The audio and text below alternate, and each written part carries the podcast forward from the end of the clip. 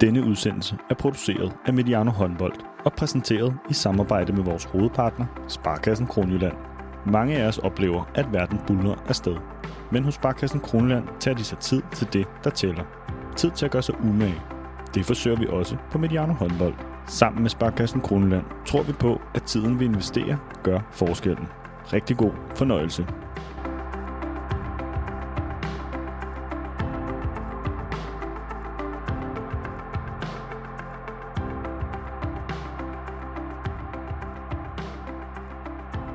Den danske herreliga er kommet stærkt i gang. Seks runder er spillet, og helt som vi forudsagde inden sæsonen, ligger Aalborg nummer 1 med Kolding IF lige efter sig. Og her kan vi indsætte et smil. Vi kan også sige, at GOG er også, er også med derop. Men da vi udgav vores optag til sæsonen for en måned siden, talte vi om alle de 14 hold om den sæson, vi står for. Men der var to hold i den optag, som vi ikke talte helt så meget om. Nemlig de to hold, som alle andre taler om, GOG og Aalborg. Og det var helt bevidst. Vi vil lige se, hvordan øh, de to hold så ud og kom fra start, både i ligaen og i Champions League. Nu er vi her så en måned senere og en måned klogere. Søndag spillede GOG mod Aalborg foran 4.000 tilskuere i Jyske Bank Arena Fyn. Og derfor vil vi i dag krølle et æseløre i sæsonens store bog og sætte et særligt bogmærke ud for GOG og Aalborg. Det er de to hold, det skal handle om i den her udsendelse. Vi skal se dem nærmere efter i sømne, og det skal vi sammen med EHF Mastercoach Sonny Larsen, landstræner for kvinderne på Færøerne og en fast bidragyder her på Mediano Håndbold. Det er vi glade for, Sonny. Velkommen til. Tusind tak. Og øh, tak fordi, at vi i dagens anledning måtte komme og besøge dig. Selvfølgelig. Det Altid er, velkommen. Det er en fornøjelse. Vi kan sige til lytterne, der er bagt boller. Alt er godt. Humøret er, humøret er, er rigtig fint. Så øh, lad os simpelthen hoppe, hoppe ud i den her øh, håndboldkamp. Udsolgt i Odense med 4.000 tilskuere. Og øh, for mig synes jeg et godt tidspunkt øh, på tv søndag kl. 18. Var det en øh, god og underholdende kamp, vi så her søndag aften, Sonny? Ja, det var det. Det var øh, et rigtig godt tidspunkt. Ja, det var det faktisk. Ja, passer perfekt. Øh, der var øh, mange i hallen. Det var også perfekt. Og en fantastisk kulisse af to gode hold på banen. Det var en, øh, det var en god oplevelse. Vi, vi sad faktisk lige og talte lidt om nogle af de gode kampe, der har været for nylig, også i Bundesligaen og så videre.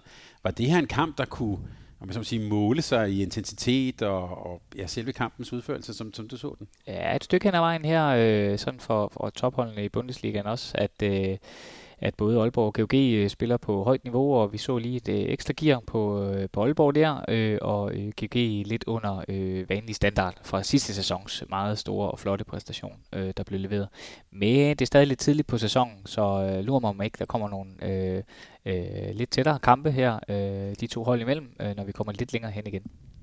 Vi skal tale om kampen og hvad vi så, ikke mindst på, øh, på, de, to, øh, på de to hold, øh, og sætte lidt ord på, hvad, hvad det egentlig er for nogle hold, der er jo kommet ja, udskiftninger og nye måder at spille på, øh, nye målmand i GOG-måned øh, og så videre, så videre. Det skal vi alle sammen sætte lidt ord på.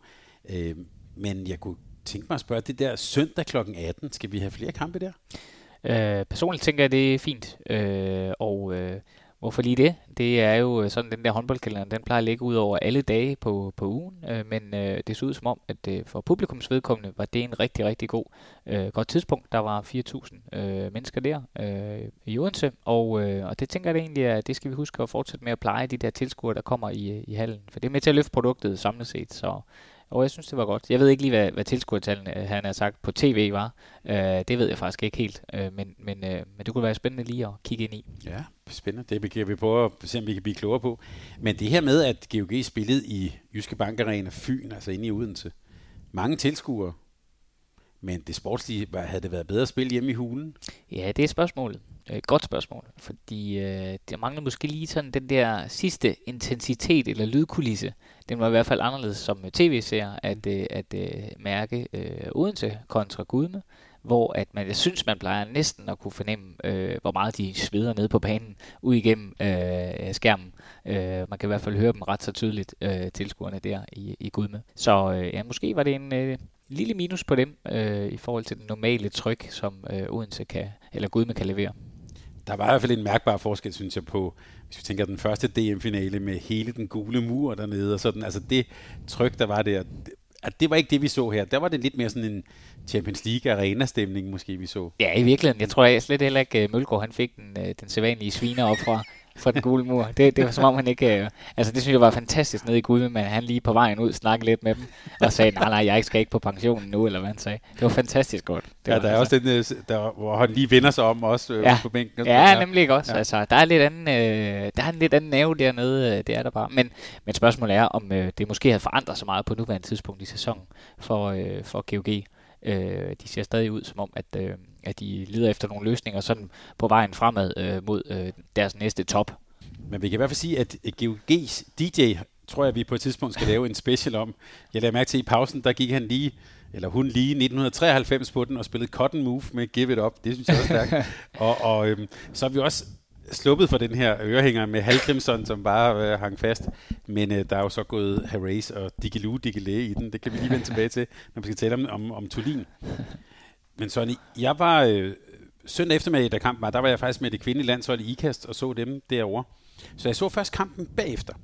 Men inden da kunne jeg jo nå at læse mig til sådan nogle overskrifter, som at øh, Aalborg satte GOG på plads, var sådan noget, man, der stod. Og da det så blev mandag, øh, så kunne man så læse fra Aalborg, at, og nu citerer jeg her, med et resultat på 1,87 millioner kroner før skat leverer Aalborg håndbold for andet år i træk et syvcifret overskud. Det 12. i træk med overskud i, i klubben, og det er vel at mærke i en tid, hvor vi igen hører om nødlidende klubber rundt omkring. Så både på og ud for banen var det, vi har været vidne til mandag, eller søndag og mandag, var det næsten en olborgensisk magtdemonstration. Jeg synes, jeg er rigtig godt det beskrevet. Øh, det med at levere så stort et overskud økonomisk, øh, og samtidig have de profiler, man har, det er hammerende flot. Uh, det er det i den her sportsverden, hvor at uh, de der normale overskud, hvis jeg uh, husker tallene rigtigt, sådan hist og pist, uh, det kunne være Skjern eksempelvis, plejer at have de her 35-50.000 i overskud, så meget symbolisk.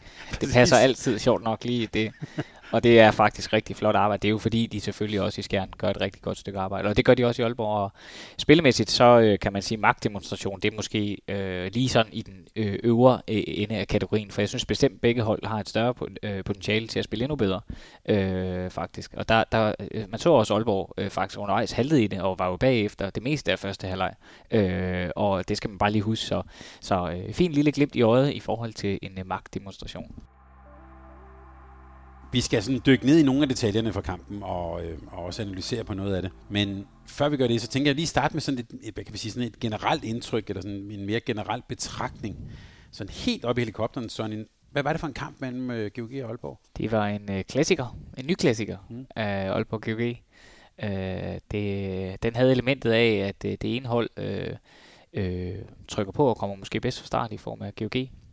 Øh, og øh, hvad hedder det... Øh, og så kommer det andet hold meget rutineret af Aalborg øh, mandskab ind i kampen. Øh, sådan lige snigende, som de har gjort så mange gange før. Og viser den her Aalborg-metode så fint frem. Øh, kontrollen på kampen, de giver den aldrig fra, øh, men derimod så tager de til sidst kontrollen. Så det var sådan en, en, en klassisk, øh, øh, et klassisk opgør mellem de to, meget tæt, øh, langt hen ad vejen, øh, og så med et øh, lille øh, men i anden halvleg. Øh, det kan vi komme tilbage til også. Øh, og øh, hvad hedder det? Og så med Aalborg sejr den her gang rimelig komfortabel. De spiller jo ret ofte mod hinanden, de her to klubber, af gode grunde. Det er, fordi de er dygtige til at kvalificere sig også til afgørende kampe. Men var der noget, der sådan, hvad kan man sige, stak ud for dig i den her kamp i forhold til, hvad vi har set tidligere mellem de to klubber? Ja, jeg synes den, øh, for det første det med integrationen af Palmerson og Hansen, øh, synes jeg nåede et nyt niveau. De to øh, har vi ikke set spille så meget sammen, kvæg den ene har været skadet, og den anden skulle i gang øh, fra længere tids øh, sygdom og, og operation der. Øh, og, øh, og det var, der var noget nyt i det, og så den anden øh, lidt på, på, på negativsiden i forhold til GOG, der sådan lige momentvis slipper deres egen kontrol, selvkontrollen. Jeg kan huske, øh, Krigger tidligere i på den her podcast her, øh, snakkede lidt om den der med at, at forsøge at skabe kaos eller, eller, eller krig eller, eller kaotiske tilstande. At de på et tidspunkt troede, det var deres vej frem. Og øh, jeg synes, øh, det viste øh, med al tydelighed i hvert fald, at øh, udefra, at det var lige i overkanten af kaotiske tilstanden og, og krig. Øh, det var ikke til deres favør i hvert fald. Så øh, sådan set udefra. De to ting stak øh, klart i øjnene øh, for mig. Så hvis jeg nu til en indledning spørger, hvad afgjorde kampen? Var det de der perioder, hvor, hvor GOG måske, øh, og nogen fra GOG, altså hvor de lidt glemme, glemmer at spille som GOG? Ja, det synes jeg faktisk, at man godt kan sige, øh, men man skal selvfølgelig i den forbindelse sige, at øh, Aalborg gjorde noget, som de ikke har gjort øh, i et stykke tid, nemlig de fik faktisk en del fart på, øh, på Aalborg over Mikkel Hansen. Øh, det var meget karakteristisk, at, øh, at øh, sådan, hvor de tidligere har været øh, udpræget duel, øh, styret i forhold til Felix Klar, at lade ham angrebsmæssigt lave duellen, og så spiller man ud for det. Øh, øh, der øh, kunne man se, at faktisk Klar kæmpede faktisk lidt med at, at komme igennem øh, i den her kamp. GOG havde indstillet sig rigtig godt, så, så, øh, så det var egentlig fint. Øh, men, men de fik øh, bragt, øh, for eksempel øh, på, øh, på et rundgangsspil, fik de lige øh, lavet tre dobbelt kryds, centerkryds og et, og et meget, meget frægt, øh, let, øh, flot, lidt arrogant indspil øh, ind, øh, hvor de i virkeligheden har krydset øh, Henrik Jacobsen fuldstændig væk øh, efter de tre kryds. At det er, det er lidt nyt at se, at øh, de har bragt de her tre skytter i så stor fart, Øh, og det, øh, det var et rigtig dejligt træk for dem. Og man kan sige omvendt på den anden side, så det moment, som vi snakker om der i anden halvleg, hvor at det er helt tydeligt, at GOG i virkeligheden kæmper. De er på minus 3, øh, har vi lige sådan kigget efter i tallene. De kæmper lidt mere at finde momentet. Øh, GOG er bagud med 3, og scenariet er den der med, at de har en vis tænding på, og de føler sig lidt snydt for en udvisning. Øh, og, øh, og, og, og og de ender så selv med at hive øh, dels en, en øh, udvisning på bænken, men også øh, ind på banen, altså en øh, to øh, gange to minutter, en fase, og der knækker kampen op til de her øh, minus 5, øh, og der ligger den en periode, og der er Aalborg sværere og sværere at komme ind på igen, og dermed er kampen reelt set kørt der øh, i det sidste øh, kvarter. For mig knækker det kampen, øh, at om det lige er Aalborg, der er helt øh, dygtige til at bevare øh, kontrollen, eller om det så er GOG, der, øh, der mister den. Øh, det må man så vælge sin, sin egen historie på. Men jeg tror da ikke, GOG er tilfredse med, at de giver øh, Aalborg muligheden for at løbe så meget afsted. Det tror jeg ikke, de er tilfredse med, hvis jeg, hvis jeg kender de folk ret. Det virker lidt som om, at selve også hele optakten, det er jo selvfølgelig, hvordan i det her tilfælde TV2 vælger at vinkle det, men øh, Anders Zachariasens øh, skade, ja. var der helt naturligt selvfølgelig øh, fokus på. Men når man hørte Krighav og også Morten Olsen tale lidt, det var ligesom om, at det, jeg vil ikke sige, at det var synd for dem, men det var sådan lidt, det lød som om, de gik næsten til kampen med sådan lidt defensiv, øh, det var lidt noget skidt, og der, så kommer der lidt, lidt kendelser imod dem, så bliver de, øh, så bliver de måske sådan, øh, ja, et måske lidt defensivt mindset, kunne man øh, måske ligefrem sige, at det var sådan, vi så dem. Ja, Øh, set udefra, øh, så så det ud som om, at de havde tabt på forhånd i deres fortælling. Det var lidt synd for os, vi var i svære problemer, og derfor taber vi. Sådan hvis man lige skulle øh, spole tilbage, og det kan godt være ikke det, der er deres intention, og det kan også godt være, at sådan tror jeg altså heller ikke, de tænker, at vi har tabt på forhånd, fordi de ved jeg, vil gerne gøre alt for at vinde, og, øh, og det er man selvfølgelig opmærksom på også som at De to er meget rutineret, så det er ikke nær det. Det var i hvert fald interessant at se den øh, lille øh, mentale øh, udfordring, de var i. Øh, det var det. Øh, fordi ingen tvivl om, at tabe Zachariasen op til en så vigtig kamp over på den lange sæson, og hvilket også er synd for Zachariasen i øvrigt og landsholdet, øh, så, øh, så er det klart, at den der øh, mentale indgang til en kamp, den kan måske lige få et betydning for, hvordan man, man går ind i, i øh, momentet af kampen, og hvordan man øh, rammer kampen, og, øh, og så øh, er det svært at spå om, om det lige var det, der gjorde forskellen undervejs. Det ved ingen af os, øh, men, men set udefra, øh, så kæmpede de i hvert fald lidt på mentaliteten i en periode. Og det er også skægt at se, hvordan øh, Aalborg, men også GOG, altså det her med øh, den indbyrdes øh, målforskel og sådan noget, at det er jo, vi er jo som sagt i 6. runde, men øh, altså øh, apropos den samtale, øh, jeg havde for nylig med Nikolaj Krikhav, altså øh, og det kan jeg godt forstå. Det handler jo om det, der skal ske om lang, lang, lang, lang tid, som er øh, slutspil og finaler og alt sådan noget. Så øh, på den led kan det jo også godt være, at der var nogle ting, som Krikhav ikke spillede ud her. Øh, noget, som han måske havde tænkt på, og og efter Zachariasen selvfølgelig også noget, de skal arbejde ind, så de står stærkere i en eventuel finalespil øh, øh, senere hen. Sonny, vi, jeg har jo bedt dig om at analysere lidt på kampen, og vi kan sige til lytterne, det kan vi tage et billede af, at du sidder med ret mange noter og papirer foran dig her. Vi leger ikke, at det her det er sådan en rigtig kampanalyse, som havde vi været en ligatræner og hans assistent. Øhm, vi kommer heller ikke til at lægge alle mulige øh, videoklip op. Vi tager imod, derimod nogle øh, nedslag og nogle øh, pointer om de to hold, som det viser sig i, øh, i kampen, og dermed håber vi, at øh, både os selv, men også jer lyttere bliver lidt klogere på øh, de to hold, hvor de står lige nu. Men hvis vi lige taler om det der med at analysere, Sonny, hvordan griber man det egentlig an som træner og analysere sådan en kamp? Altså i optakten øh, kan man sige, at øh, hvis man skal tage den øh, forberedelse, øh, der er jo både et før der er virkelig også et, altså et underkamp. For der er jo masser af elementer undervejs, som måske er lidt anderledes, end man lige forventede. Hvad gør de? Er det en mandsopdækning i dag? Øh, eller, eller bliver vi nede? Altså Felix Klar, som de snakkede øh, lidt om. Og så er der selvfølgelig hele analysen bagefter. Hvad gjorde vi, der var så fint? Øh, hvad er det, vi lige skal justere lidt på? Øh, og, øh, og, øh, og alle de der elementer af evaluering og videre til næste kamp. Og øh, hvis man sådan skal være lidt før i hvert fald, i, øh, i analysen indledende, så kigger man jo selvfølgelig på egne styrker og på egne svagheder. Hvad er det, vi forventer, at øh, vi kan lykkes med, og hvad er det, hvor vi skal lige være lidt skarpere, øh, eller i hvert fald være opmærksom på at have nogle løsninger øh, klar. Og øh, det vil være udgangspunktet, tænker jeg, for begge hold. Altså finde ud af, hvor er det, vi øh, fortsat øh, kører rigtig fint, og hvor er det, vi skal arbejde videre. Og så kigger man selvfølgelig også den helt anden side af bordet, øh, som, jeg, øh, som, øh, som selvfølgelig handler om de taktiske spil. Eksempelvis Aalborg.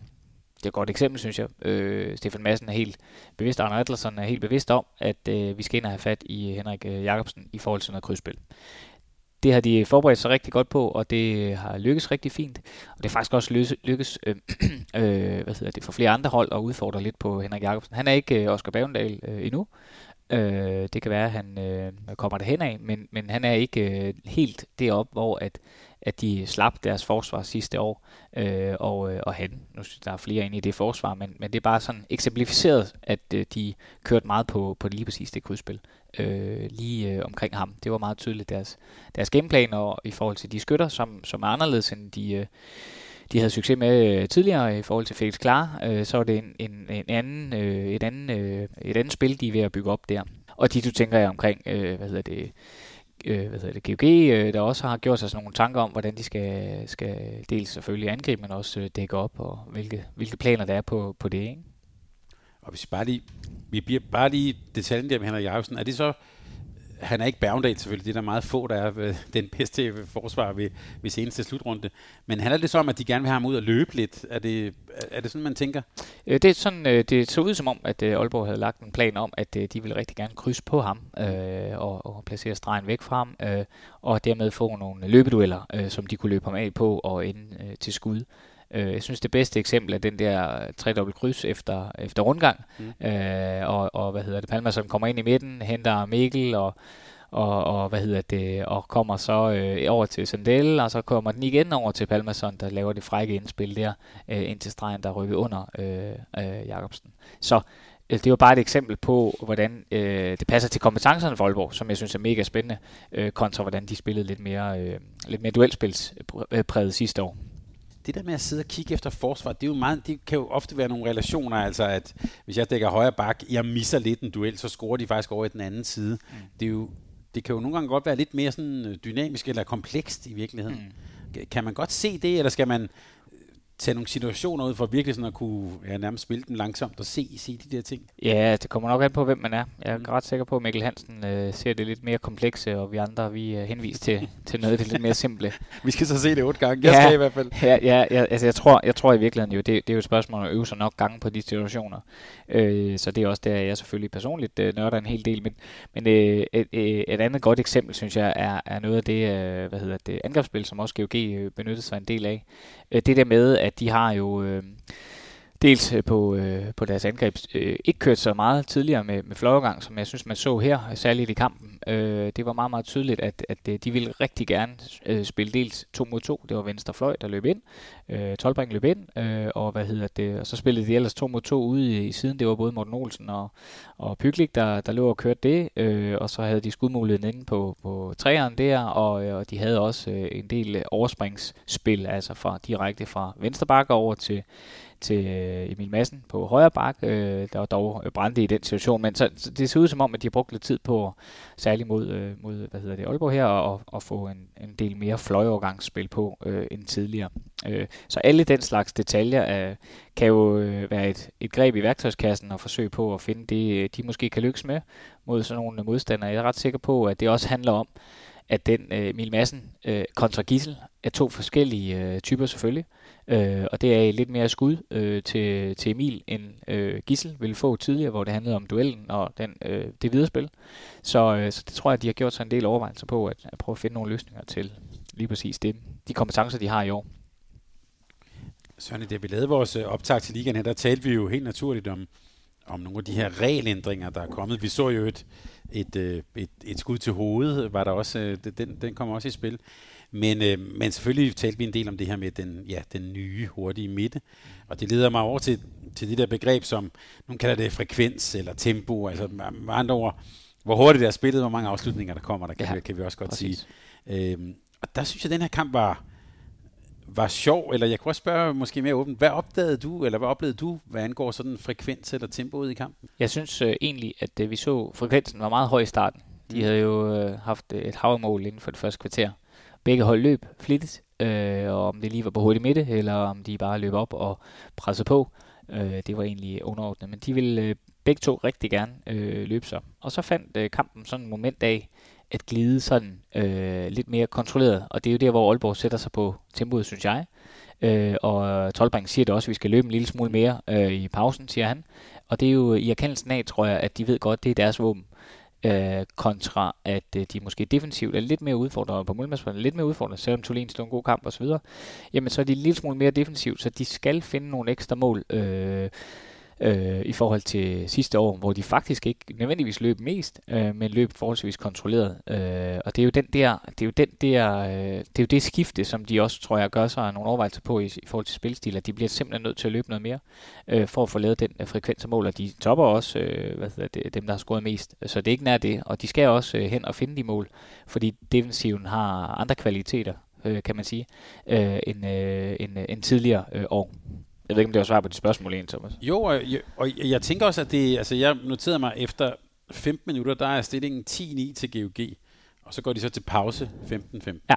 Så, så der, der sker ligesom sådan en markant, ligesom begge hold vil gerne afsted fuld fart fremad, og så falder lidt, øh, i, i, hvert fald, ja, i hvert fald scoringsfrekvensen, men der falder vel også lidt på tempoet. Det, vi, vi hører jer i Tolbring sige i, i, i pausen til tv, at Øh, at det var næsten lige før, hvorfor spiller de mig ikke? ja, præcis, præcis. Han manglede virkelig nogle bolde derude. Ja, og det hang jo øh, lidt sammen med, at øh, Aalborg var i den fase dygtige til at ikke skille sig af med bolden alt for tidligt, eller rettere sagt, de var dygtige til at øh, skille sig af med bolden lige, øh, da det skulle afgøres øh, til allersidst.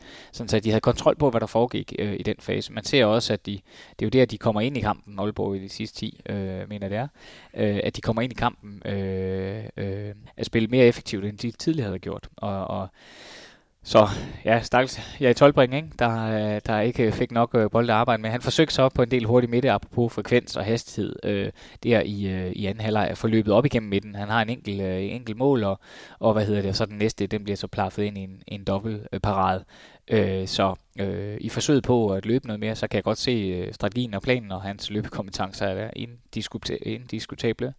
Øh, så der er ikke, det er ikke nær det. Men kunne man forestille sig, hvis vi nu bruger den her som sådan en, en lille trykprøver på, hvad der, hvad der kommer til at vente os i sæsonen her, mm. at, at det også bliver mellem de to hold kampe om, hvem der bestemmer tempoet. Altså, ja, i den grad. Altså hvis det bliver, hvis Aalborg kan kontrollere det, mm. så har GOG måske ikke så mange chancer. Øh, men at det handler for dem om at kunne... Øh, ja, udfordre dem på løb. Ja, og du har fuldstændig ret. Altså, det, det er en rigtig god pointe, det der med, at, at, at det er den anden del af analysen. Nu spurgte du til analyse før. Det er også noget med at gøre sig klart, øh, hvilket hold man egentlig har. Hvad har vi af muligheder her, øh, på, både på kort og lang sigt, og hvordan får vi det bedste top ud af den gruppe, vi har, øh, som Krigau så fint øh, beskrev det i podcasten. Den er virkelig øh, god at høre også, synes jeg. Øh, og det, det har du fuldstændig ret i. Og så synes jeg også, den, øh, det, som de, øh, det som begge hold faktisk er rigtig dygtige til også, det er faktisk som regel at justere til under kamp. Altså analysen under kamp. Det, den, er, den er også værd at kigge på her. Fordi der er virkelig nogle detaljer i. Øh, jeg synes det bedste eksempel næsten sidste år i finalserien, at Gissel lige har, det er selvfølgelig noget, de har aftalt på forhånd, men det er også noget med at se muligheden i, øh, hvornår skal det være. Han spillede øh, venstreback og løb kontra derop altså den, lige momentet af at vinde en-to bolde, og det er meget, meget symbol, synes jeg, meget, meget sådan tydeligt, at gud, der er lige et moment af at finde, øh, hvor kan jeg øh, måske lige overskue lidt, tage et nyt værktøj i brug øh, den analyse er, er rigtig, rigtig spændende, og, og begge hold er jo vanvittigt dygtige til det der med at finde, og spillerne er dygtige og kan se det næste rum, apropos med det med Mikkel Hansen og spilforståelse, og hvor skal den hen, og Palmerson kunne man også nævne. Lang historie kort, Morten Olsen kunne man også nævne, men det er med at være i kampen og se de muligheder i. Øh, selvfølgelig har vi øvet noget, men, men som regel efter øh, ja, måske et kvarter, 20 minutter, så har kampen sådan lige sat sig lidt, så det der, man har forberedt, så nu er det inde i håndværket, vi er inde og arbejder og se, hvad kan du egentlig basis øh, to mod to, hvad har du af af værktøjer, øh, og det er måske lidt overdrevet fortalt, men sådan øh, symbolisk i, at, at så de der forberedelser, vi har gjort, så, jamen, så går det hen og bliver en kamp, hvor vi ligger måske og bytter mål, øh, for at øh, finde de der små detaljer, to mod to, der kan være afgørende i sådan nogle øh, kampe, der topkampe, som det som regel er. Øh, det er jo sjældent det, er sådan, det helt store polerede øh, spil, Øh, og det synes jeg også øh, med begge holds, for begge holds vedkommende. Jeg tror også, de begge hold tænker, der er stadig et stykke vej op til toppen endnu. Øh, det gælder defensivt, det gælder offensivt. Øh, ja, begge veje, øh, begge veje i, øh, i spillet der. Ja, to, altså to hold, to trupper, der er ved at og skulle, jeg ved, man kan ikke sige finde hinanden, men de er ved at spille sig sammen, ja, kan man næsten sige. Ikke? det er rigtigt. Ja. Og spiller rigtig, rigtig mange kampe. I øvrigt en sjov detalje, du siger det der med, at de kender hinanden godt. Der var øh, en, en lille, øh, et lille tidspunkt, hvor GOG er i overtal, tror jeg i første halvleg, hvor Morten Olsen så tager sådan en standskud meget tæt på mål. At det var sådan en, der var hamret ind mod Plok her for nylig. Ja men lige der, der sidder så Gade. Han sidder helt nede i hjørnet. Ja. Han er allerede dernede. Ja, og du kan sige uh, Pyglik på ydersiden der, ikke? Øh, oppe i, ja. i lang hjørne. Altså, du ved, ja. alt det det bliver ligesom til træning. Man vender sig til, hvordan folk skyder, fordi de har mødtes så mange gange efterhånden. Så, så, øh, og Pyglik er en god afslutter ude på det brede punkt der. Men, men, men det er jo det, der bliver detaljen i det, at lige finde den lille variant, der gør, at man næste gang står lidt skarpere og kan udfordre sine modstandere øh, lidt mere. Og det er jo det, der er det spændende den rejse, som begge hold skal på nu. Det man bliver jo begejstret for at se, at de finder på lidt nye ting og varierer lidt. Øh, og og, øh, og det, det er bare øh, hammerende fedt også. De lige kort havde 7 mod 6 øh, Aalborg med de to øh, kanonskytter, Mikkel Hansen og Palmerson. Mm. Og det, det er altså det der, man har ventet på. Man har bare gået og ventet på, det der kom. Øh, at, øh, og Sandel øh, og, og, og Hoxer der. Altså Sandel var også, han var, han var ved at være på vej opad igen efter skadesproblemerne der. Det var fedt at se ham i den dynamik og også kontramæssigt. Altså det, det er nu bliver begejstringen bare øh, til at tage føle på, men altså den der med, at de begyndte at få rigtig godt flow i Aalborg på deres, øh, på deres spil, øh, og, øh, og alle mand klar, øh, det, det synes jeg ser, ser meget, meget, meget lovende ud. Øh, øh, for øh, Aalborgs vedkommende, for de der ambitioner, de har øh, for fremtiden, så, øh, så ser det sjovt ud. Øh, det gør det virkelig. Man kan sige, det er stadigvæk, om man så må sige, early days, seks, seks runder inden. Men jeg hørte næsten sige det her med, ja, for eksempel en 7 6 opstilling med Mikkel Hansen og Palmerson. Ja, det lyder som sådan en, en, en, en våd drøm nærmest. Ja. Men, men er vi også allerede der nu, hvor vi godt kan konstatere, at i og med at Palmerson for alvor tilbage, Mikkel Hansen er der, øhm, at så har de også nu det der ekstra, som gør, at de, og så kloge og erfarne spillere, at, øhm, at, som kan tænke selv derinde, at nu har de allerede lagt det der ekstra lag på. Og jeg synes ikke, de har lagt det ekstra lag på. Jeg synes, de har muligheden for at lægge det ekstra lag på. Sådan, fordi jeg tror, det, de mangler stadig lidt at få koordineret nogle ting. Det er tydeligt at se i sammenhængene.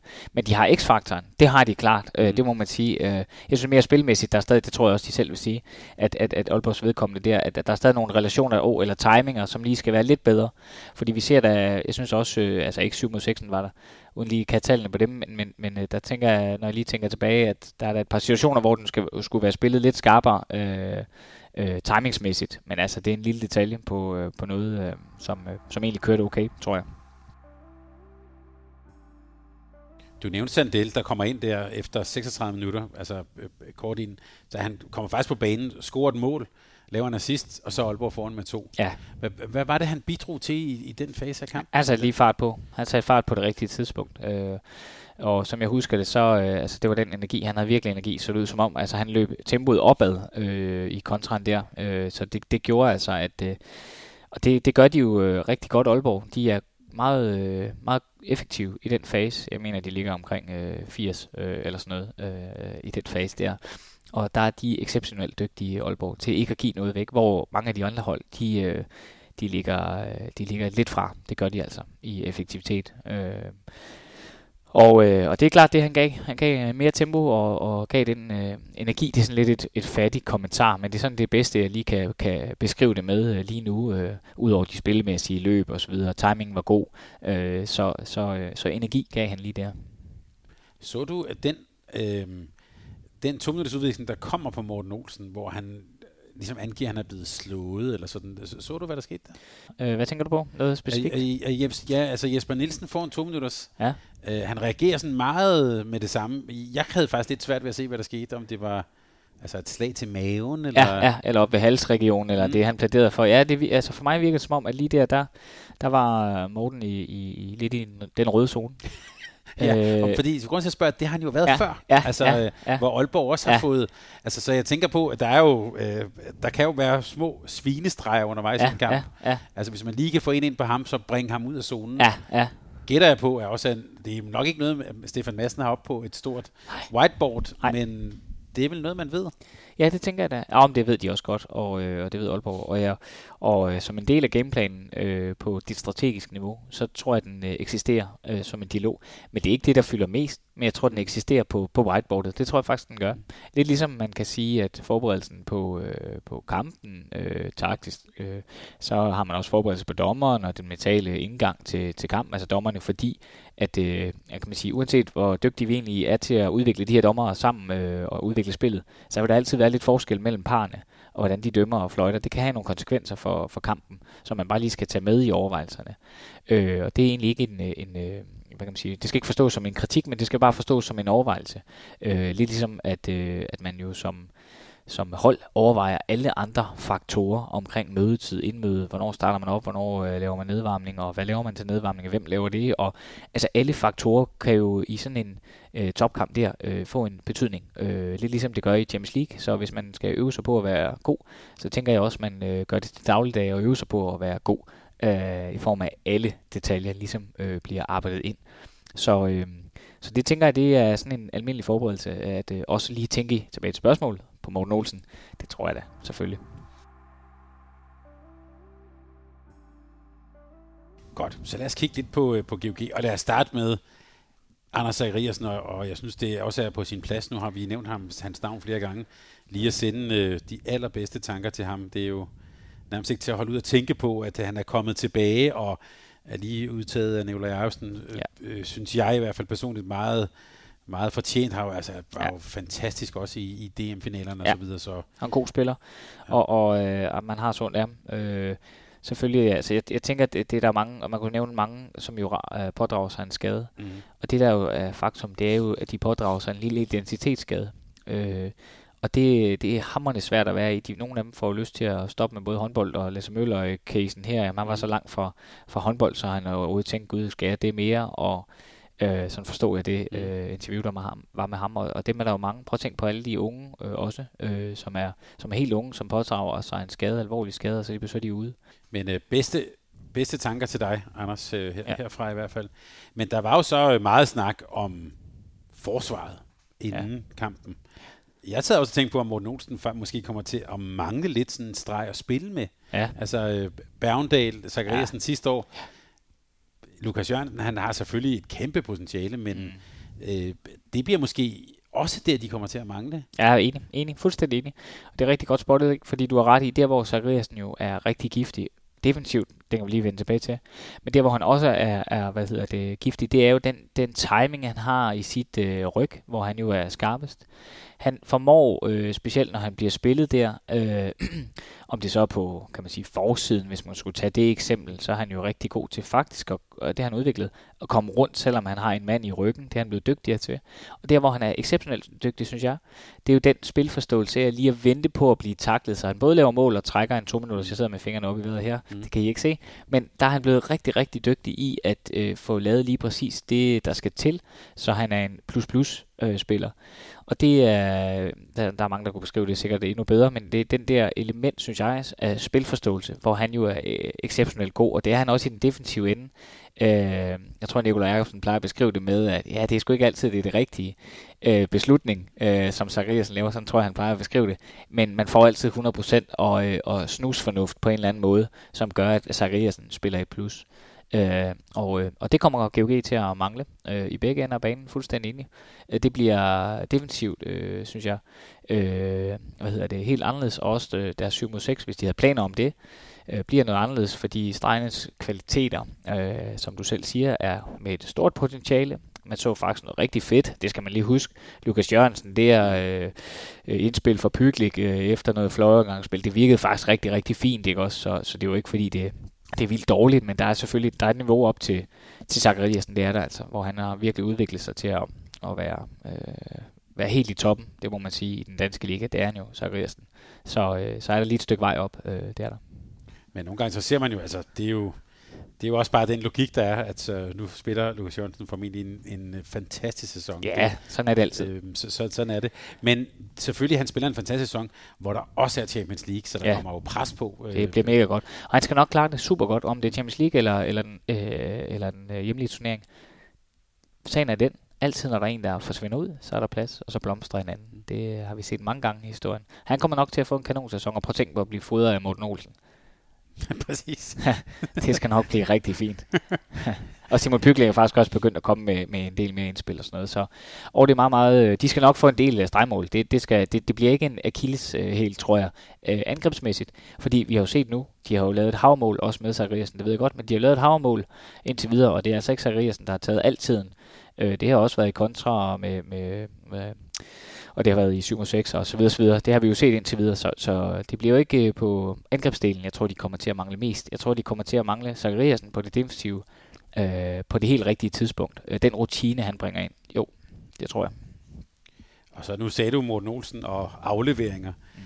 Jeg kunne godt tænke mig, at du lige satte en lille smule, bare lidt ord på hans afleveringsteknik. Altså, den her venneaflevering, han laver til Pytlik, det er jo ikke sådan, at den har Aalborg ikke prøvet før. Nej. Men han, altså, den ligger jo simpelthen lige i handsken, og de spiller jo, som også Krighav sagde i den der samtale, de spiller så tæt på forsvaret, mm. men det er sådan en, der bare siger bang, og så altså, kan han løbe på, på ydersiden. Har du nogensinde set nogen, der har så god en afleveringsteknik som ham?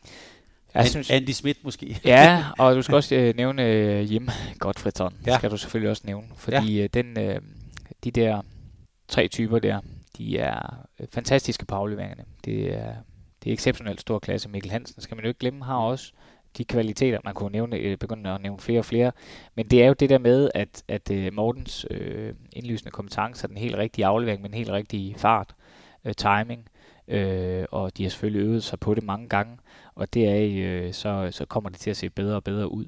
Morten er en exceptionelt god spiller på de returspil der, øh, det må man sige, der er han, øh, der er han rigtig dygtig og det kendetegner en af de, øh, øh, de der typer, som vi i den grad har brug for, synes jeg, på spillet.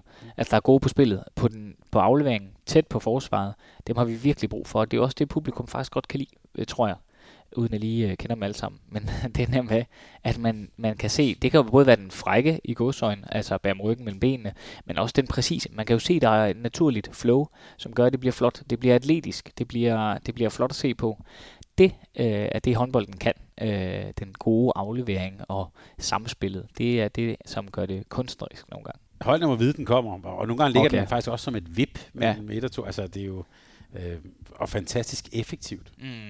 Et, et, et type spil, som du ved GOE, som du nævnte, som jeg også lidt med til, så jeg synes, de kørte mange fløjeovergange, specielt fra venstre, altså med jer i Tolbring. Mm øh, som løb ind, og så, så skulle de så have det her ja, to mod to pres eller spil over for, over for Pytlik der. Hvor, hvorfor vælger GOG at gøre det? Eller hvad er sådan gevinsten ved det? Øh, ja, altså sådan... Øh udgangspunktet kunne vel være, at det handlede om egne kompetencer. Øh, lidt tilbage til, at øh, Pygel faktisk skyder meget fornuftigt. Mm. Øh, og Morten har et rigtig godt skud inden fra midten af. De er dygtige. Morten er dygtig til at spille to mod to med, med stregspilleren. Andreas Flotman var ude der, tror jeg, i den fase til sidste kampen, hvor de ja. spillede vendt tilbage til det. Og så startede de også øh, en del, stor del af deres angreb øh, med det. Så det kunne handle om præcis det. Øh, og så endelig så tror jeg også, de var inde omkring... Øh, ja, måske skal lige nævnes faktisk, at jo øh, både Sandel og, og, og Hoxer der, øh, kan man sige, mod øh, Lukas Jørgensen også godt kan blive udfordret. Øh, jeg synes, man har set, øh, øh, hvad hedder det, Hoxer egentlig øh, gøre det øh, rigtig godt og så videre. Men hvis man lader mærke til nogle af de Champions League-kampe, de har haft, så blev en stor del af de mål øh, faktisk gået over omkring Hoxer omkring en stregspilssituation. Så det kan være det, at Krik har taget udgangspunkt i. Øh, og det er ikke fordi Hawks er dårligt til, til stregspilssituation, men han er lige måske en tand øh, lettere, og det handler om det der ja, det er fysik, fysikken selvfølgelig, men også den med øh, rutinen i at sætte en screening og komme rundt om en screening på det rigtige tidspunkt i en international kamp.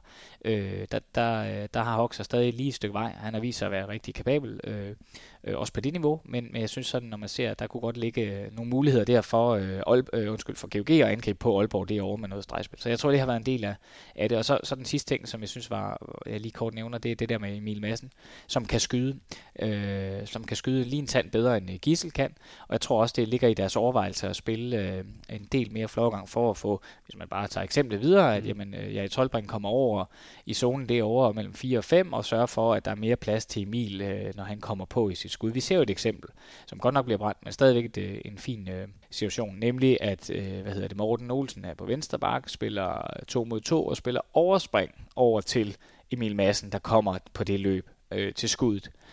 Det synes jeg egentlig var, godt eksempel. Og så tror jeg måske endelig, som ham vi ikke har snakket så meget om faktisk, Nikolaj P., Han var faktisk også inde i nogle af de her, øh, hvad hedder det, fløjergangsspil. Mm. Og det så ud som om, han, øh, han øh, kom faktisk til nogle rigtig fine situationer, men brænder dog på sin skud øh, skyder det op øh, tilbage i målet øh, sådan tre eller fire gange, mm. og hvor det har Simon Gade fuldstændig styr på i den her kamp kontra. Jeg tror, du har noteret det et eller andet sted i noterne, at han i sidste kamp mod Fredericia, jeg tror du så fint har mm. noteret, at han lavede fire mål. Ikke? Så det er bare lige forskellen på Aalborg og Fredericia, hvis man lige skulle bringe dem ind øh, i det. Der er bare lige lidt mere tryk på, på skytten, og dermed også flere redninger som regel.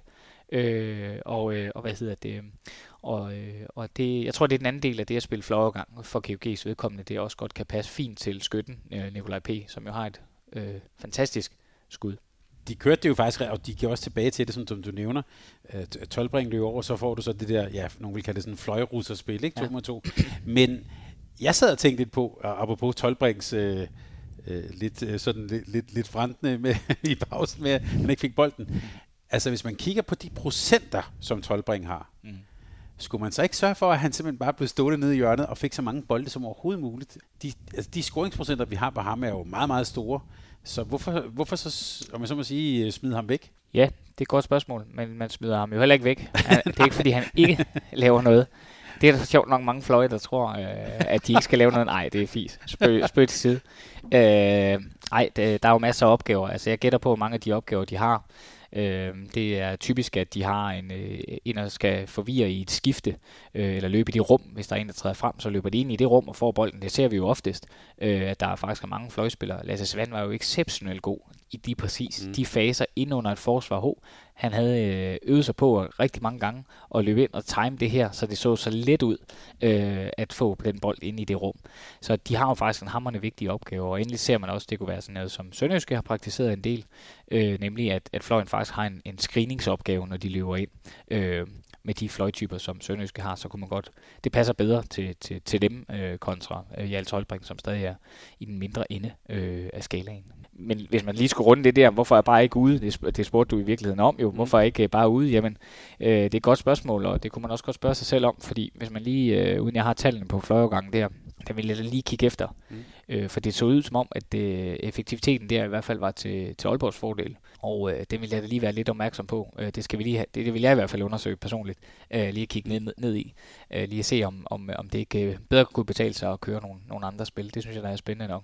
Fordi han har jo godt, altså også på Simon Gade, sådan som jeg ser den duel, der synes jeg vil jeg sige, der har Tolbring en, en, en overhånd. overhånd ikke? Ja, og, enig, enig. Og, og, han er dygtig også til, selv for spidsevinkler, ja, og, enig. Øh, og, så, og så køre den indenom på, på gade og sådan noget. Altså der, der synes jeg, der, der har de i hvert fald en lille edge på, på Aalborg. Ja, men enig, enig. Og, og, men jeg synes blot, øh, hvis man tænker tilbage, øh, det skal man også lige have med i mente, at øh, Christian Børnsen jo øh, har dækket øh, ret langt nede øh, mm. hvis jeg husker tilbage. Så så mange afslutninger de har de ja, jo heller ikke fået. De, har ja. de jo heller ikke fået i, i spillet, så jeg tror, det har været analysen undervejs i kampen, øh, at øh, forholde sig lidt til, øh, og i forberedelsen, forholde sig lidt til, hvad skal vi så bruge den her fløj til, udover bare at skabe bredde. Øh, P, Nikolaj P, undskyld, øh, Petersen, han er øh, dygtig på skuddet, øh, og, øh, har et okay brud, men han er trods alt dygtig på skud. Øh, og hvis vi skal ind og lave noget spil, der passer til, til ham, øh, så vil det være noget af det. Vi har jo specialisten på yderside, øh, Pyklik, hvilket er rigtig, rigtig fint. Øh, og det kan man jo heller ikke gøre en hel kamp. Det, det bliver for, for let at, og, øh, at stoppe. Så jeg tænker, at den der overvejelse har været øh, at prøve at få skabt nogle situationer, der også passer til, til noget, hvor at, øh, at de har flere andre øh, skytter, der kan byde ind. Så det må være overvejelsen, tænker jeg. Det er rigtigt, Bjørnsen stod nærmest og, ja. på baglinjen. Ja, præcis. præcis. Det var meget tydeligt. Ja. Bare, bare lige til sidst, GOG. Uh, øh, nu nævnte du uh, Nikolaj Pedersen, som jeg synes, god pointe. Min lille hvad hedder det, lommeanalyse, det er, at han jo nærmest bliver indskiftet på klokken omkring 14-15 minutter, i, i hvert fald i de kampe, jeg har set. Uh, når man ser ham spille, han, altså, man kan jo ikke lade være at tænke, en, også en spiller med et kæmpe potentiale. Ja. At, at det tror du bare er et spørgsmål om tid? Øh, ja, det tror jeg bestemt. Øh, det tror jeg bestemt. Øh, jeg synes, det har øh, viser vist sig, at GOG øh, gang på gang har formået at udvikle de spillere, de har haft. Øh, og øh, hvad hedder det, den historie kan de godt selv lide, og det skal man også holde fast i, for det er faktisk det, de gør. Øh, finde nogle spil, der passer til ham. Og, øh, og det skal nok komme. Øh, den relation skal nok øh, vokse og, øh, og blive endnu stærkere. Og, og han har virkelig et spændende potentiale. Øh, han har spillet efterhånden mange år på øverste hylde, og øh, derfor kan man jo stadig godt blive endnu dygtigere. Og noget, jeg tror, som, som øh, også øh, minder lidt om ham på sin vis, det er jo Nikolaj Læsø, synes jeg. Mm. De har sådan, hvis man skulle sige det sådan, øh, lidt på øh, lidt samme stil øh, omkring deres rigtig, rigtig exceptionelle øh, spændende skud. Der er tyngde øh, i, når de skyder. Øh, så synes jeg også, at øh, der er måske lige der, det er noget med de situationer, øh, som de nogle gange får sat sig selv i, hvis man skulle sammenligne med nogle af de andre skytter, der er på banen, så er Mikkel Hansen og Palmerson øh, lige sådan en kende bedre til at forvalte den situation med lidt større omhu, så situationen er bedre for de to. Og så skyder Palmerson og Mikkel Hansen øh, stadigvæk lige bedre. Øh, de har flere muligheder på at trække bolden rundt i målet, øh, selvom de jo er under pres. Så man kan sige, det bliver lidt spændende at se, hvordan at, øh, at de får udviklet P videre, øh, som jo har det her kanonhug. Øh, og det hænger selvfølgelig også sammen med den timing, som øh, man har brugt tid til at bygge op. Simon og Morten har spillet sammen i to år. Emil, Emil Madsen har fået mere og mere tid og mere og mere ansvar osv. Så, videre. så det vil sige, øh, at Nikolaj P. skal nok komme ind øh, i den rytme, øh, stille øh, og roligt. Og ja, nogle gange er det på klokken, der bliver skiftet. Øh, det kunne være, at Krikov også følte lige der, at nu skulle der ske noget andet, eller det kunne være en kan man sige, gameplan for, øh, for Krikau at sørge for, at ressourcerne var til øh, hele kampen, fordi apropos det med strategi og taktik, så bliver man jo nødt til at skifte ind, øh, eller bruge bænken, øh, hvis man skal have løbet hele kampen. Og øh, man ved jo sådan rent statistisk set, at, at intensiteten, altså løbende, højintensitet løb, falder i anden halvleg. Og, øh, og det, er, det er ikke i GOG's interesse. De skal skifte. Øh, så for at have friske kræfter øh, nok, så, øh, så tænker jeg, at det er en kalkuleret øh, strategi øh, at bruge bænken øh, bredt nok. Og det gjorde Aalborg faktisk også. Hvis man kigger på Aalborg, så brugte de jo også nærmest på klokken, uden jeg lige sådan så kiggede efter det. Men øh, så havde de klar inden, så havde de øh, Mikkel og Palmerson sammen, øh, og øh, hvad hedder det, og så tilbage lidt til, til Clara, og, og så enten Mikkel eller Palmerson. Så de brugte jo faktisk også bænken rigtig, rigtig bredt. Og det er lidt spændende at se, hvordan de får lagt på der. Det giver altså den øh, kvalitet, også internationalt, at de har muligheden for at spille øh, sådan, som de gør. De løber jo faktisk rigtig fint på kontran. De kontrollerer stadigvæk tempo af Aalborg. Men, men det der med at have øh, den bredde, der gør, at de faktisk kan være med i toppen af Champions League, mere end de ligger to nu, mm. ligesom Kiel også gør, ikke? Øh, så øh, ja, fik jeg lige nævnt Kiel, det var vigtigt. Ja, det er også vigtigt.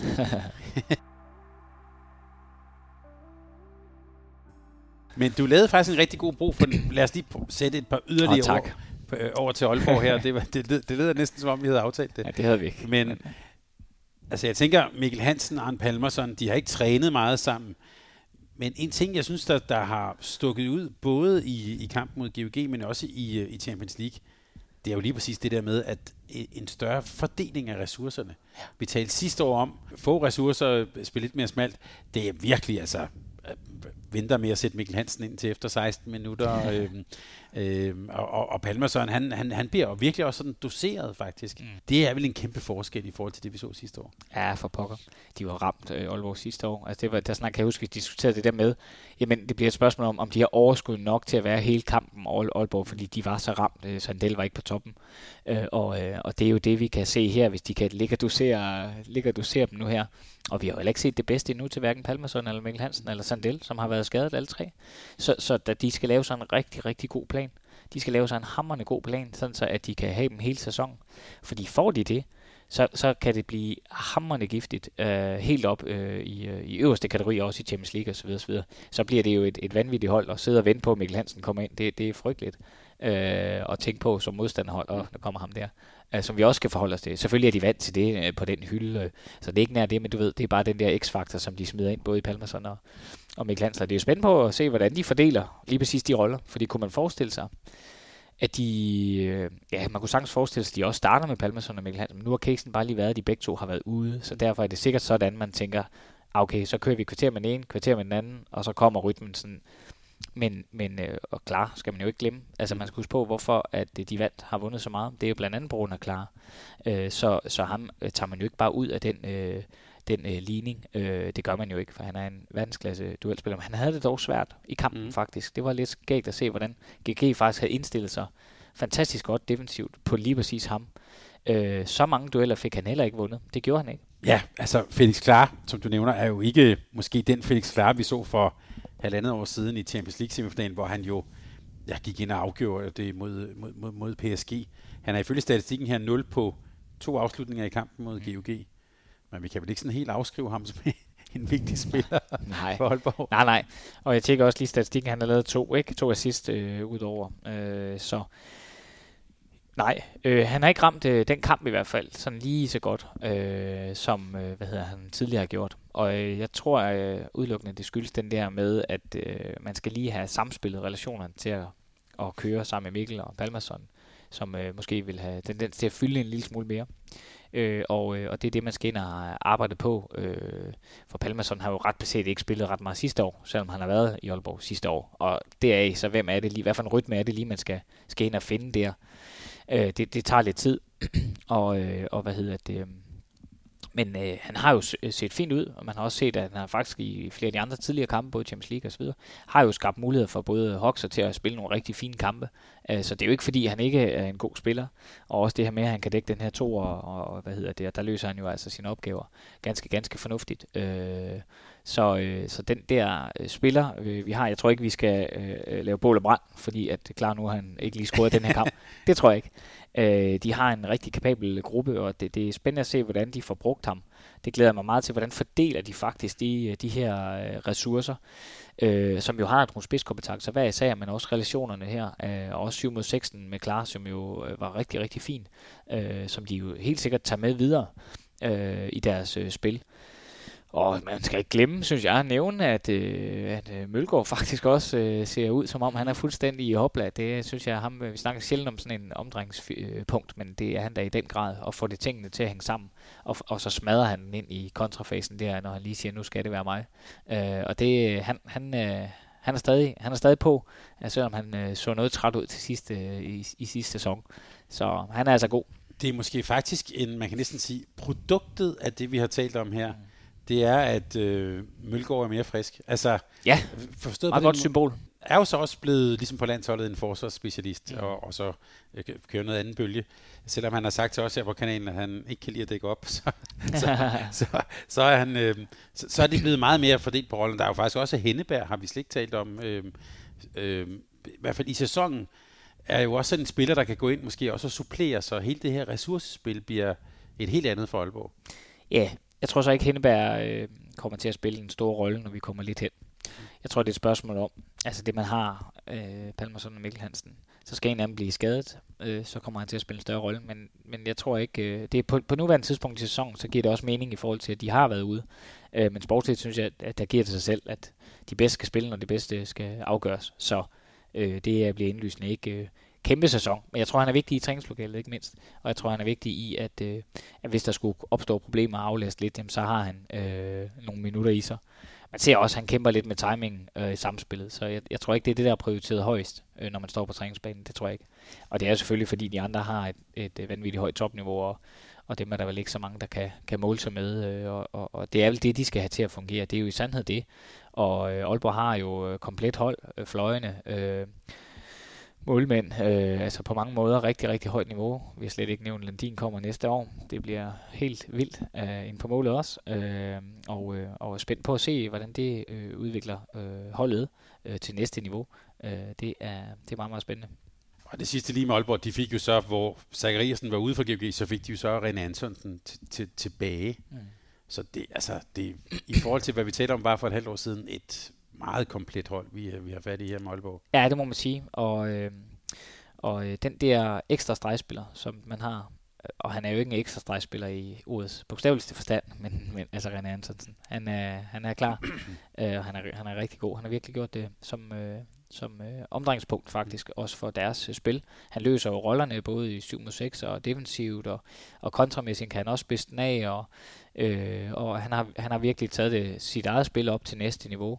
Øh, og, øh, og det er virkelig det er sjovt at se, hvordan han, øh, han får øh, hvad hedder det, lagt lag på. Jeg synes også, at Jesper Nielsen har løftet sig samspillet der. der har, det set bedre ud. Øh, øh, det har det altså, øh, Jesper Nielsen der. Øh, 3 på 3 øh, får han lavet i kampen. Men jeg synes også, der er et skridt endnu med ham, og det er måske øh, defensivt såvel som offensivt i sammenhængende der. Man ser nogle gange i Champions League, at, at de får uh, duelleret en del på, på Jesper Nielsen, mm. hvor Antonsen vil vinde flere af de dueller der, hvor Jesper nogle gange øh, lige kæmper lidt med at få vundet de sidste skridt, eller vinklet nok, eller det vi så Oscar Bavendal gjorde så sindssygt godt, nemlig at få vinklet og lukket de krydsspil, der kom. Der, der ser det ud som om, hvis man tager den detalje, Jesper Nielsen stadig lige kæmper lidt på nogle af de kryds, der, der kommer der. Øh, og, øh, og det bliver spændende at se, om øh, han kan løfte sig også. Det sidste til de to hold, jeg synes lige, vi skal sætte, bare sætte et par ord på øh, de to målmænd. Ja, jeg siger de to, fordi det var sådan øh, de, øh, dem, der stod.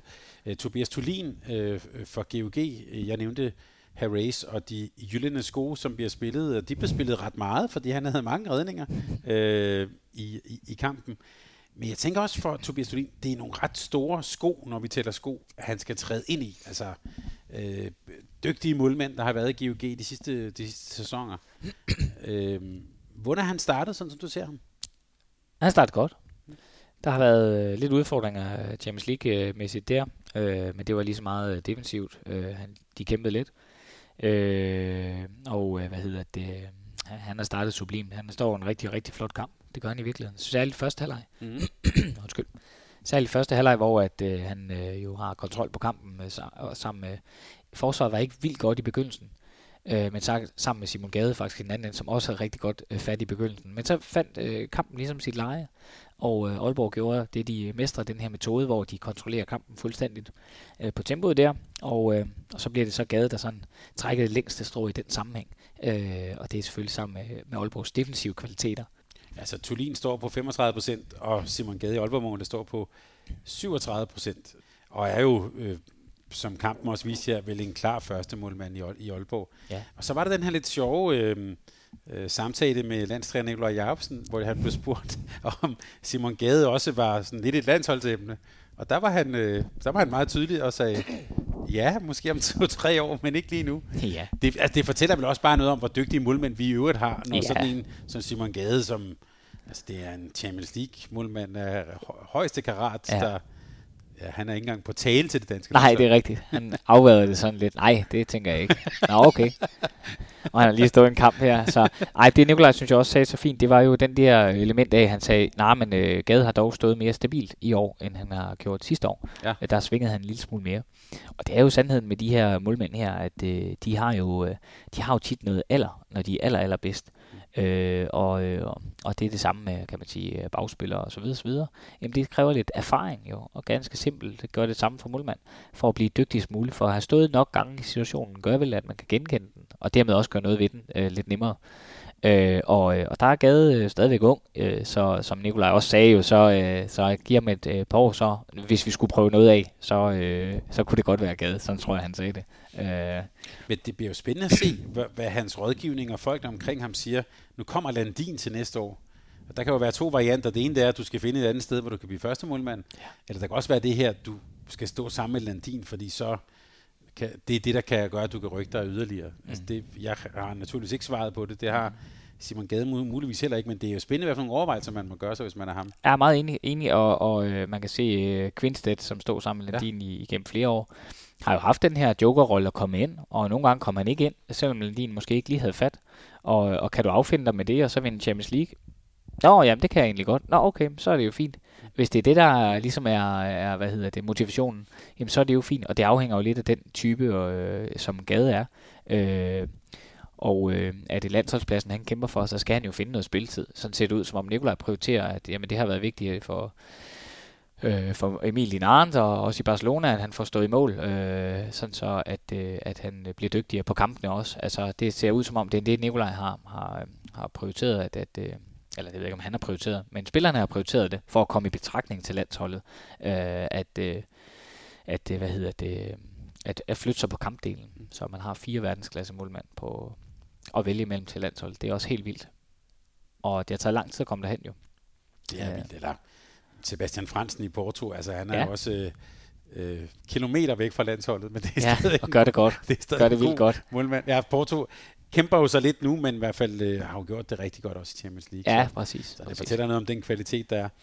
Ja, og nogle gange er det bare sådan, at der er mange dygtige om, om budet, ikke? Og, og det er det samme på Vensterbak i, i, i, i det danske landsholdsregi. Mm. Jamen, der er mange om budet, og, og, men vi skal også huske på, om nogle år, så spiller Mikkel Hansen ikke mere på landsholdet, og hvem bliver så næste og næste, og, og det er jo den udvikling, der skal, skal være. Der kommer altid en ny, øh, og øh, hvordan det så bliver, det må vi lige se på. Det kan man sige. Det du så fat på, det er vel de næste års helt store tema i dansk håndbold, i hvert fald sådan efter Paris 24. Mm.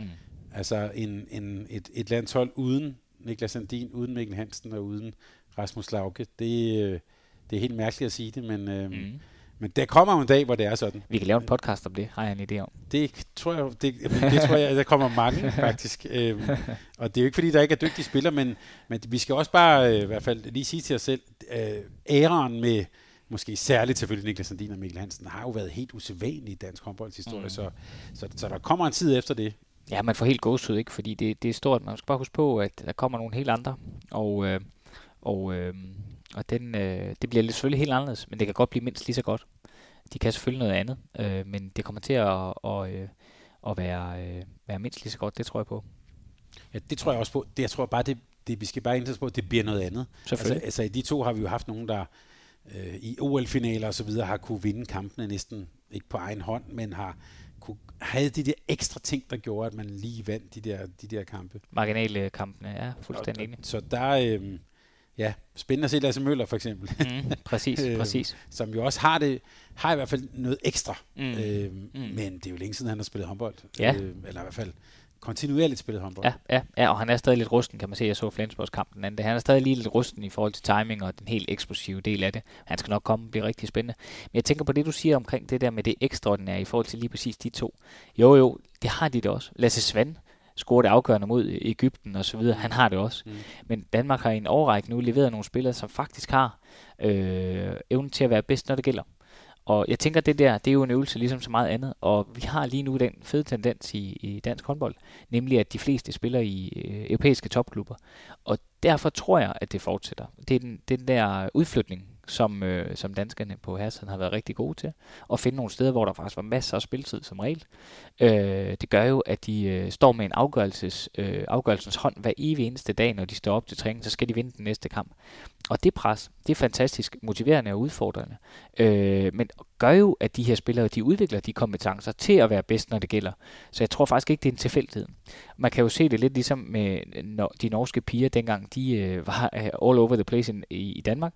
Øh, jamen, det var der, deres ære på damesiden startede for alvor, fordi de flyttede ud øh, og tog nogle udfordringer op på, på højere niveau. Og, øh, og det må være en strategi. Altså selvfølgelig, det er ikke ligegyldigt, hvorhen man flytter.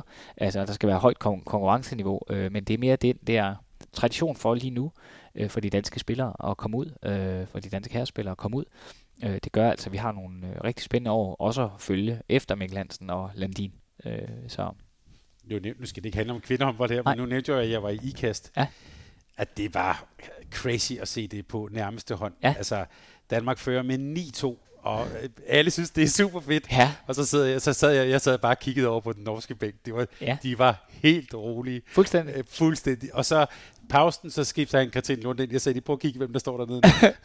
ja, hvad sker der så? Ja, det er det. Øhm, og det er jo den topmålmand, du beskriver i Niklas Sandin. Og selvfølgelig bliver det udfordrende. Hvem er den næste?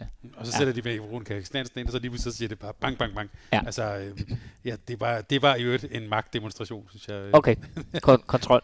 ja, og det var også bare, jamen det går være, I sidder og jubler lidt, men nu, øh, nu skruer vi lige lidt op. Ja. Øhm, ja. Ja. Så, så det er jo det der, ja, det er ekstra. Ja, uden at vi skal tale om, om lige præcis den kamp, men det er det der, der er fantastisk ved, ved sådan nogle hold, sådan en æra, som du også beskriver. Det er jo den der, det er jo den kontrol, de, de, de ved, de kan. Bedst, når det gælder. Uh, Lasse Svand, der scorer det afgørende. Uh, Nikolaj siger, jamen så er det dig til sidst, min ven. Mm. Den tager du med et smil på læben. Man ved jo godt, han kan, og selvfølgelig kan, kan han. Og nogle gange går det selvfølgelig galt, fordi det er jo det her med at få skudt nok gange og, og, og, og tage de afgørende og øve sig på det. Uh, men det er jo det er en fantastisk tid, som, som håndbolden er inde i jeg synes jo også stadigvæk, at hvor det Mikkel Hansens mesterstykke, synes jeg jo stadig er OL-finalen i 16. Han spiller mod Frankrig, de kender ham godt, ja. og alle ved, og så scorer han altså øh, syv mål i første halvleg. Ja. Øh, ja. Det, det, det, det der med at kunne, altså, kunne præstere på så højt niveau. Ja. Alle ved, det er ham. Ja. De har siddet og talt om ham i timevis ja. på det franske hold, ja. og alligevel præsterer han præcis der, hvor vi har brug for ham. Ja. Øh, det, øh... Ej, enig, enig det, det er en topspiller i øh, fuldstændig fuld flor. Fantastisk udsprung. Man må også sige, at den kamp, øh, nu stikker det måske lidt af, men, men den kamp, semifinalen, nede i Tyskland, hvor de ja, har Frankrig. Han spiller ja. højre bakke, og han spiller, han scorer vel. Han scorede 100 mål i første halvleg. Han var vild. Ja. Ja. Fantastisk kamp. Det må også være en af Mikkels aller, allerstørste, tænker jeg, performances. Ja, og der, men der, lige der synes jeg så, der, øh, det var det også. Mm. Men, men det var jo så hele holdet faktisk, ikke? Altså også Morten Olsen og Lauke og hvad kørte de bare så højere fisk. Ja, ja, præcis. præcis. øhm, men, men der, selvfølgelig der, men, men der, der synes jeg faktisk, at der var Danmark øh, kollektivt på så, altså det samspil, det hed, var mm. på så højt niveau. Mm.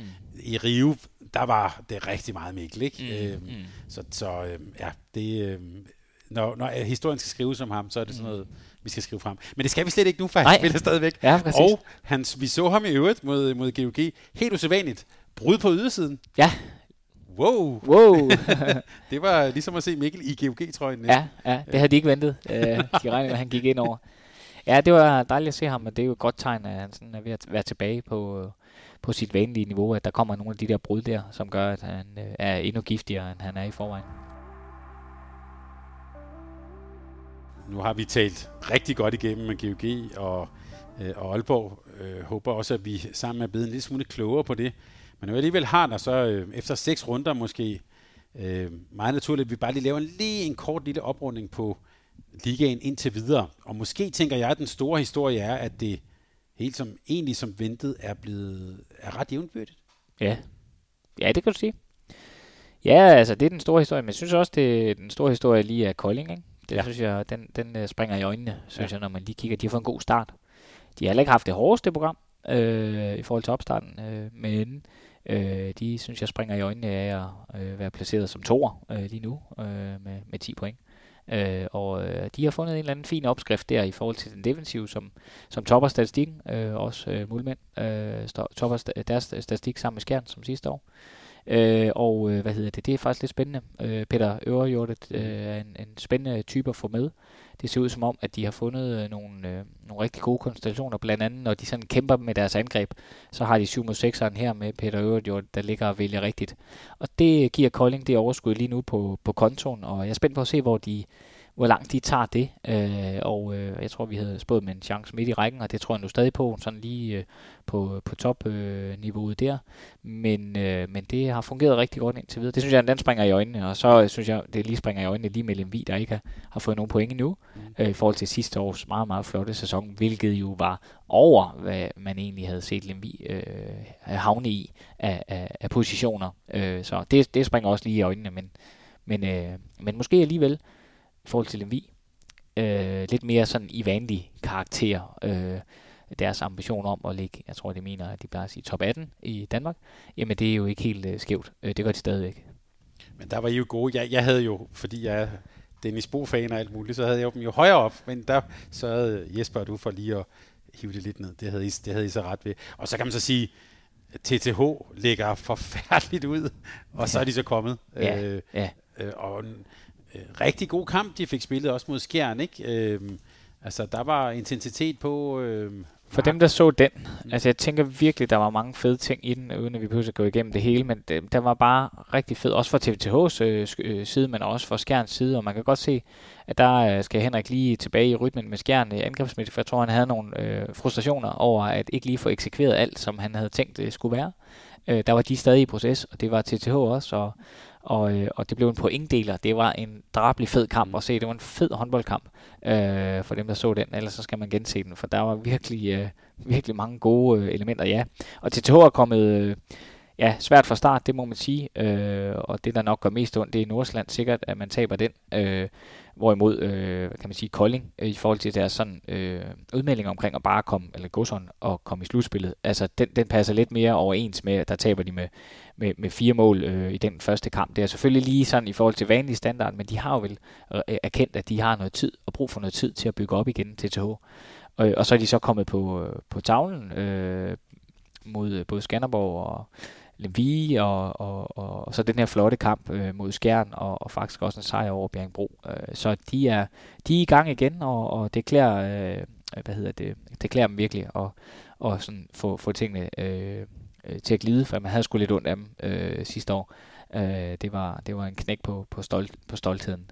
Lidt mere end hvad godt var. Men, øh, men de er i gang, og det bliver spændt på at se, hvorhen de, de ligger. Og de placerer sig som en syver, øh, kan jeg se. Og helt som ventet kan man sige, der er jo trængsel i midten, og der er også kun spillet seks runder, ja. så vi kan se til lytterne, at vi kommer til at lave en, en, en, en mere sådan uh, tilbundsgående status, når vi er blevet lidt klogere, øhm, og også inden vi går på øh, slutrundepause, så, øhm, så, så følger vi rigtig, rigtig godt op på, øh, på de enkelte hold her. Vi kan også bare konstatere, Ribe Esbjerg, ligesom vi talte om i optakten, ja, der bliver knaldet nogle point ind på den konto. Ja, det gør der altså. det, er, det er godt håndværk. Det er et håndværkerhold, hvad det angår. De uh, leverer altså øh, stabilt, øh, det gør de.